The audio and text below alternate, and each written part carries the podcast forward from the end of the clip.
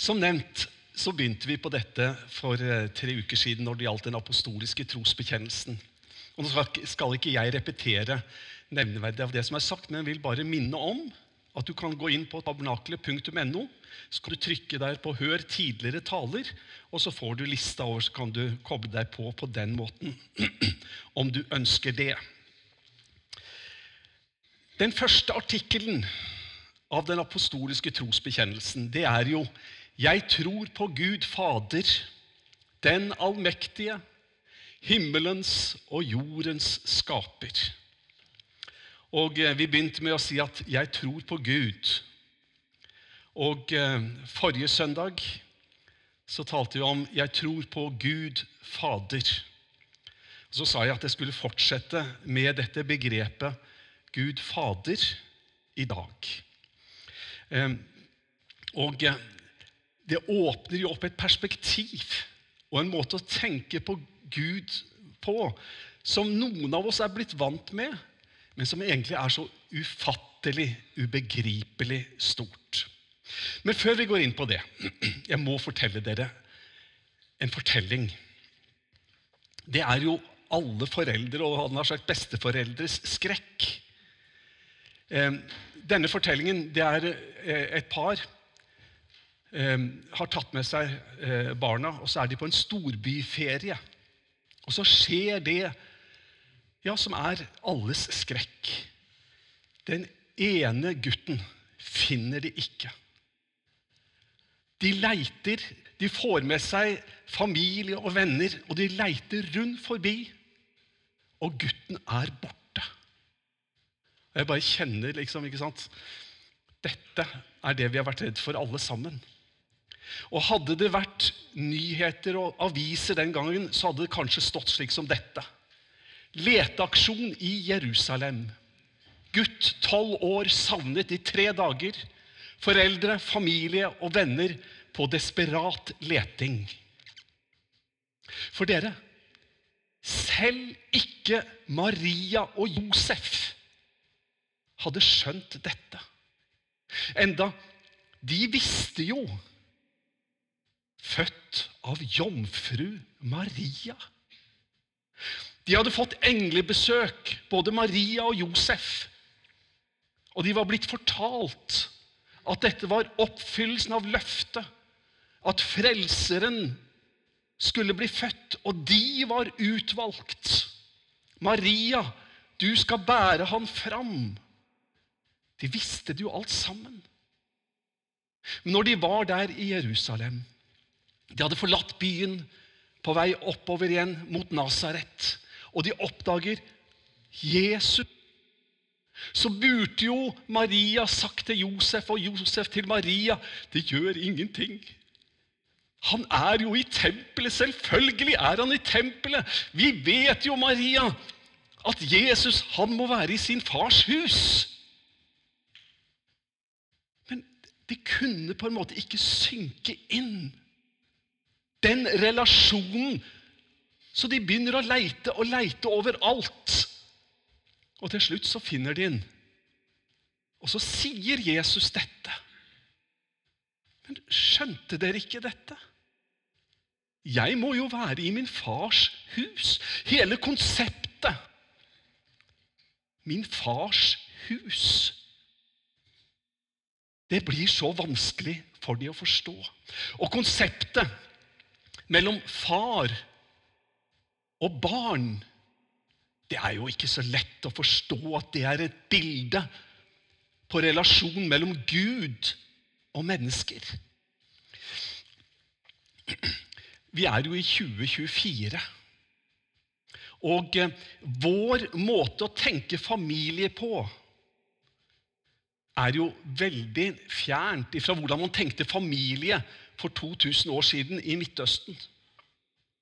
Og dere, bare i vår tid så, så har jo ting forandra seg kolossalt. Hvis ikke jeg har blitt lurt av falske nettsider Norge var det første selvstendige landet som ga kvinner alminnelig stemmerett.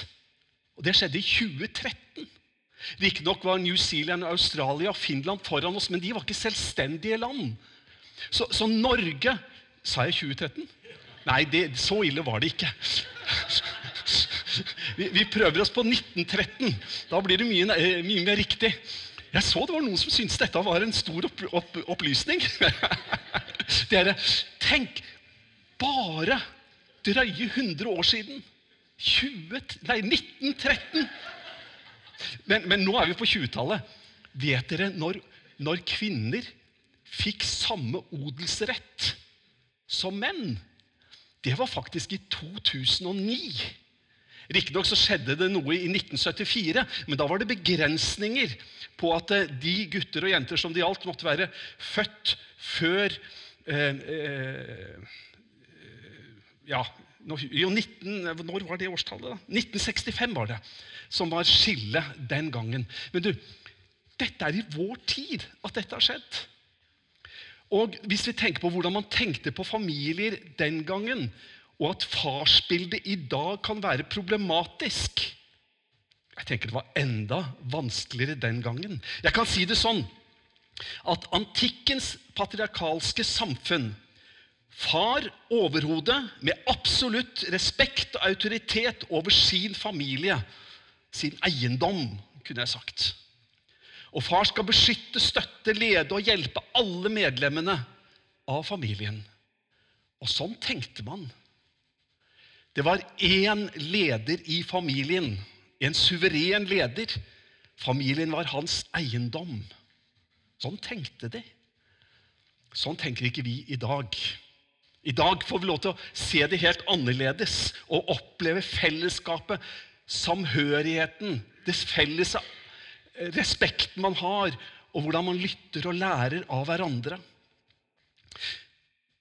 Men disse på en måte bildene, det var med å skape en oppfatning av hvordan far var.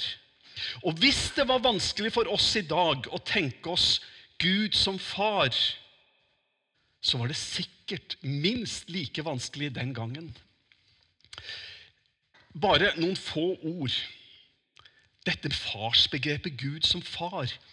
Hvis du leser i Det gamle testamentet, så er det ikke mange plasser at dette er et tema. Jeg er ikke helt sikker på hvor mange plasser, men en plass mellom 10 og 15 referanser til Gud som far. Ikke flere enn det er det hele Det gamle testamentet.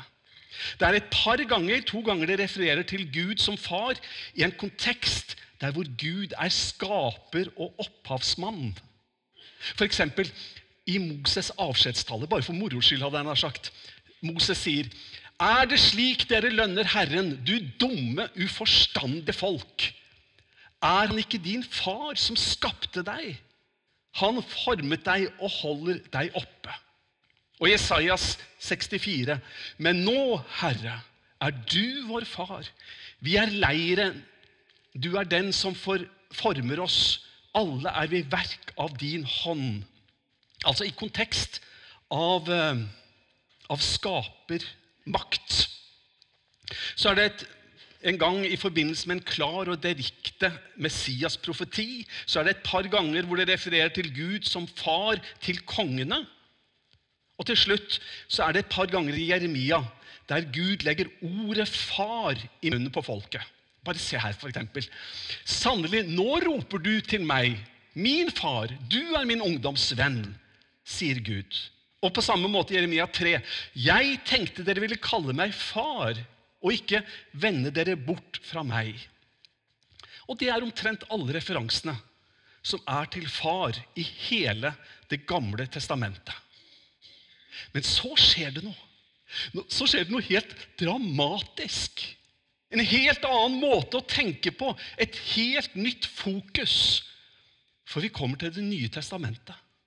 Og Det nye testamentet er fylt med referanser til Gud som far. En teolog skriver at det er 979 henvisninger bare i Det nye testamentet til Gud som far, og et par hundre bare i evangeliene. Jeg har ikke noen selvstendig mening om det, men det er sikkert riktig, slik som jeg siterer. Altså et helt nytt fokus Og så er vi tilbake igjen til det jeg nevnte, at det, det kan jo være et litt problematisk bilde. Det bildet som du ser her på skjermen, det er bildet av en far som er sint og snakker strengt til barnet sitt. Og når jeg satt og tenkte jeg skulle finne et illustrasjonsbilde, så fant jeg så mange som jeg ikke orka knapt å se på. Vi har alle kanskje minner, eller vi har hørt om situasjoner som gjør at det er vanskelig å ha gode følelser når vi tenker på at Gud er vår far. For det kan være fedre, det kan være situasjoner som har gjort at det er problematisk å tenke på dette.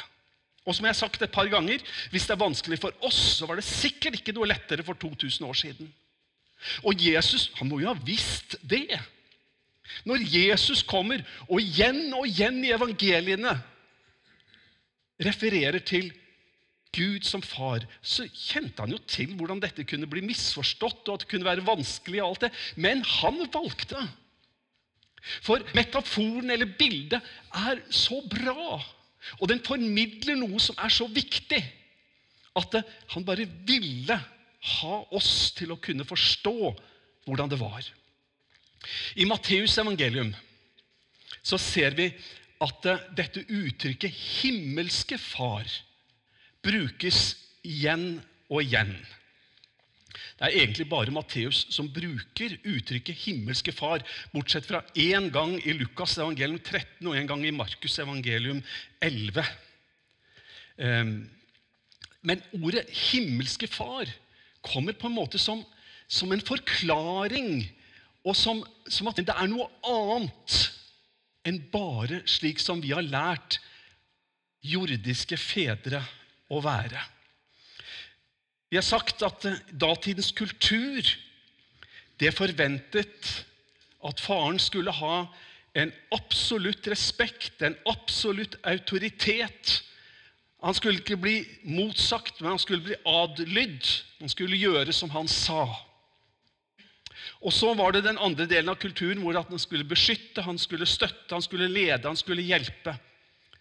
Og Når vi ser på disse verdiene, så er det på en måte en beskrivelse av vår relasjon til Gud hvis vi tar med den altomfattende dimensjonen som gjør at dette blir godt istedenfor bud og regler. Og det er den dimensjonen av kjærlighet. Det er kjærligheten fra opphavsmann og skaper, han som virkelig kan kalles far for alt som lever, når vi ser at alt er satt inn i en kontekst av kjærlighet og selvoppofrelse, da blir vår himmelske far den omsorgspersonen og den lederen av våre liv som vi trenger. Jeg har lyst til å bare ta tre-fire eksempler fra himmelske fars tekster. Slik kan dere være barn av deres far i himmelen. For han lar sin sol gå opp over onde og gode og lar det regne over rettferdige og urettferdige. Og Det mest kjente av de alle det er jo Fader vår-bønnen, hvor det står at vi skal be Vår Far i himmelen, la navnet ditt helges. Og så har vi en, en, en veldig tankevekkende illustrasjon når Jesus taler og hjelper oss til å forstå Guds uendelige kjærlighet og godhet. Det står når, dere, når selv dere som er onde, vil gi, vet å gi barna deres gode gaver, hvor mye mer skal ikke da deres far i himmelen gi gode gaver til dem som ber ham? Og Det siste lille eksempelet på dette det er fokuset på beskyttelse, der det står slik vil heller ikke deres far i himmelen at en eneste av disse små skal gå fortapt. Så vi lærer et nytt begrep. Det kommer I Det nye testamentet så stråler det mot oss dette med at Gud er vår far. Men det er ikke bare et nytt begrep. Vi skal lære et nytt ord. Et ord som egentlig aldri er blitt benytta eller brukt i en sånn sammenheng noen gang. Og det er ordet, det arameiske ordet Abba. Abba. Og, og hvordan det skal oversettes, det er visst litt vanskelig. Jeg tror, så langt som jeg forstår, ut ifra det jeg leser, så er en god oversettelse av ordet 'Abba' for pappa. Det er ikke riktig å oversette det med 'hei på deg, fatter'n'. Det er atskillig mer eh, respektfullt enn det. Men, men, i det hebraiske språket så var det ikke et ord Du hadde selvfølgelig far, med den respekten og alt det som det innebærer. Men et ord som lettere kan oversettes med, med, med pappa fantes det ikke. Derfor så tar hebraisk opp det arameiske ordet Abba, slik at det er da, i dag en del av det hebraiske språket. Men det var det ikke på Jesu tid. Abba, denne nære relasjonen. Å kunne si ja, Jeg tror faktisk at Abba, Fader, da kan oversettes med pappa, far. En sånn nærhet, dog respektfullt, og vi får lov til å oppleve at det er med å beskrive Jesu relasjon til Gud på en tydelig måte. Det brukes tre ganger i Det nye testamentet. Uttrykket 'Abba'. Det beskriver denne nærheten som Gud har til sin far. Og så beskriver det akkurat på samme måte vår relasjon til Gud. At vi får lov til å kalle han det, og at vi har fått den ånd som roper 'Abba, Fader' i vårt hjerte. For å ta det første først Jesu unike forhold til Gud. Selvfølgelig annerledes enn vårt forhold. Han er den andre personen i den hellige treenighet. Og, og, og han er guddommen. Men han bruker ordet 'Abba, Fader'. For vår del så tenker jeg at eh, når vi får lov til å bruke et ord som Abba, far, så kan det ligge mye helbredelse og legedom for sjelens sår for noen i nettopp det. At uansett hvordan det har vært for oss Noen av oss vi har hatt omsorgsfulle både mor og far, og vi har absolutt ingenting å klage for, mens andre av oss kan ha opplevd både svikt og svik. Og vi er ikke alltid gode rollemodeller. Og vi er ikke alltid gode rollemodeller for Gud heller, når vi som fedre på en måte skal være et bilde på Guds omsorg og kjærlighet. Men så tenker jeg det at vi får lov til å vite, alle sammen, hver eneste en av oss Vi har en himmelsk far som elsker oss så uendelig høyt, og som har dette kjærlighetens eh, Som omslutter alle disse begrepene med sin kjærlighet for oss, som er den selvoppofrende kjærligheten. Du vet, farsbildet er unikt. Det at vi får ha Gud som far. Men i denne sammenhengen det er andre bilder i Bibelen som beskriver Gud for oss, som er utfyllende. Og vi sier at 'jeg tror på Gud'. Jeg tror på Gud Fader. Jeg har bare fire-fem stykker som jeg har lyst til å minne deg om. som du sikkert vet. Det er Gud som keramiker. Men nå, Herre, er du vår far. Vi er leire. Du er den som former oss. Alle er vi verk av din hånd, står det i Jeremia 64, vers 8. Altså, Det at Gud former og danner Vi er Guds verk. Han arbeider med oss. Og vet du hva? Jeg tror han kommer til å lykkes, for han er så veldig flink. Han får laga et kunstverk ut av til og med dårlig materiale av og til. Og at Det er ikke bare materialet som avgjør resultatet, men det er av og til kunstneren. Og han arbeider. Han er keramikeren. Du er godt kjent med hyrden det står også i Johannes 10 ikke sant? 'Jeg er den gode gjeteren'. Den gode gjeteren gir livet sitt for sauene. Det taler om beskyttelse, det taler om det å lede. Det taler om det å sørge for at sauene får næring han før dem. Vi har bildet om Gud som verdens lys. 'Jeg er verdens lys', sa Jesus. 'Den som følger meg, skal ikke vandre i mørket, men ha livets lys'. Og Det er jo lys i en sammenheng der det er uttrykker det trygge, det som er godt, det som er sant, i motsetning til mørket som identifiseres med det dårlige og det negative og det utrygge. Du, Jesus sa, 'Det er skjedd. Jeg er alfa og omega, begynnelsen og enden', som det står i Åpenbaringsboken kapittel 21, vers 6. Alfa og omega. Du vet, Det er jo det første og det siste bokstavene i det greske språket. Han er alt sammen. Han er begynnelsen og slutten og alt imellom. Gud, jeg, jeg er livets brød. Den som kommer til meg, skal ikke hungre, står det i Johannes 6. Og Jeg tror at om vi kommer til Gud, så vil han møte våre åndelige behov. I samme setning så lover han altså at vi ikke skal tørste. Det hele er sagt, satt i en åndelig sammenheng. Men han er en Gud for oss i enhver situasjon. Livets brød. Det er tre metaforer som stables oppå hverandre hos salmen, i Salme 18. Herren er mitt berg og min borg og min befir. Det det taler om når det gjelder beskyttelse og trygghet Herren er mitt berg, altså klippe. Sterkt og trygt. Borg, beskyttende og trygg. Befrir, frelse og redning. Men av alle disse, Jeg skal ikke bruke mer tid på det. Men av alle disse metaforene så er det én som stråler til meg, og det er denne. Dere har fått Ånden som gir rett til å være Guds barn. Den som gjør at vi roper 'Abba, far'.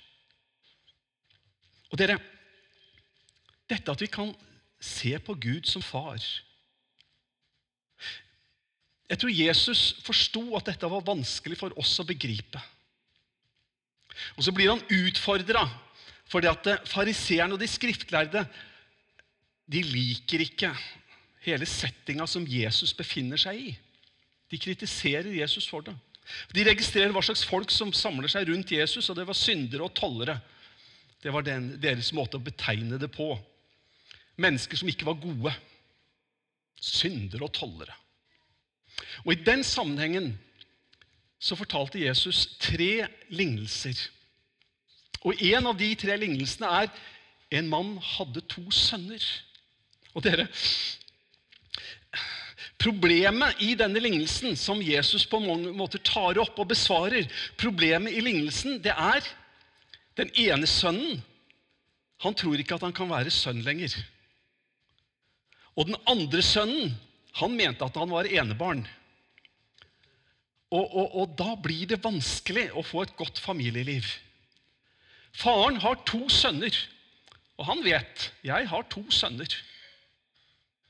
Uansett hva de gjør, uansett hvor langt borte de er på den ene eller den andre siden Han har to sønner. Det er liksom faktum. Men disse to sønnene Den ene følte at han var så dårlig at han var ikke verdig å bli kalt sønn. Og den andre han mente at han, at han var enebarn. For denne elendige andre broren han hadde gått så langt bort. Han ville ikke kalle han bror engang. 'Denne sønnen din', sa han til faren sin. Det var litt lettere for han å få sagt. Det er fortellingen. En mann hadde to sønner. Og som jeg nevnte, Det var jo to grupper som samla seg rundt Jesus. Det var de sosialt utstøtte syndere og tollere. Og så var det de religiøse lederne, fariseerne og de skriftlærde. Og dere, lignelsen er jo så kjent det er om den yngste sønnen som kommer og forlanger å få sin del av arven. og Så tar han den, og så reiser han. Og så sløser han det bort i et forferdelig liv og elendighet. Så blir han til slutt sulten når han har brukt opp alle pengene fra faren sin og arven.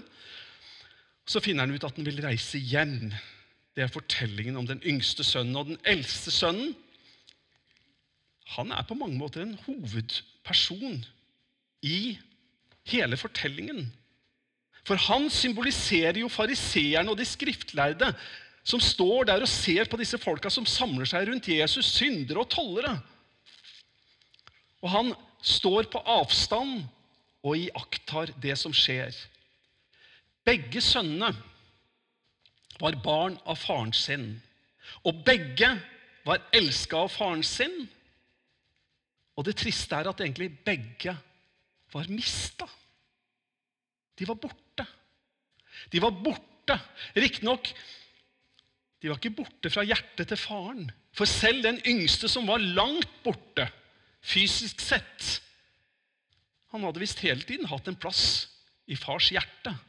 Når faren står og speider og lurer på er det sjanse til at han kommer hjem igjen i dag. Og den andre som ikke var langt borte fysisk sett, men han står der og føler at han ikke har noe rettigheter som barn. Han får ikke et kje engang, sånn at han kan slakte og ha en liten fest sammen med vennene sine. Ingenting får han, synes han. Og så feil kan man ta. Sånn som det hadde vært, så var det jo sånn at den yngste ville bare ha farens penger. Og den eldste han ville også bare ha farens penger. Ingen av disse sønnene på det tidspunktet hadde egentlig en kjærlighet til faren, men barn var de.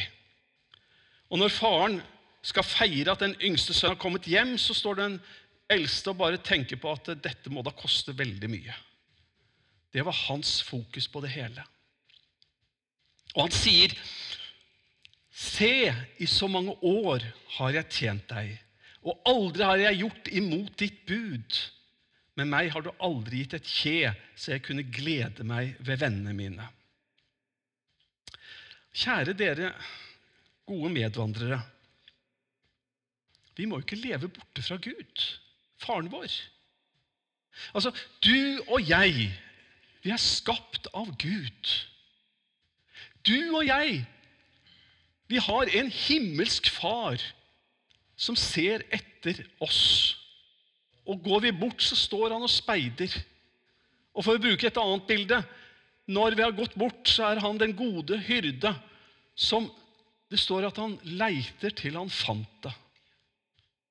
Altså, Det er en Gud som har en farskjærlighet som er helt uten grenser. Vi er hans barn, men vi må leve som barn i huset. Du vet, Johannes i 1. Johannes brev Og Det er det siste bibelordet jeg skal stoppe for. I 1. Johannes brev så står det sånn i kapittel 3. Mine kjære, nå er vi Guds barn. Og det er ennå ikke åpenbart hva vi skal bli. Vi vet at når Han åpenbares, da skal vi bli ham like. For vi skal se ham som han er. Og hver den som har dette håpet til ham, renser seg selv, like som han er ren. Mine kjære, vi er Guds barn. Det er ikke åpenbart hva vi skal bli. Ikke det at vi skal bli noe annet enn Guds barn, men, men storheten i det å ha barnekårets ånd som roper 'Abba, Fader', å ha de rettighetene, å være Guds barn, det har vi ikke forstått. Men en gang så skal vi forstå det når vi ser ham, og vi blir ham lik.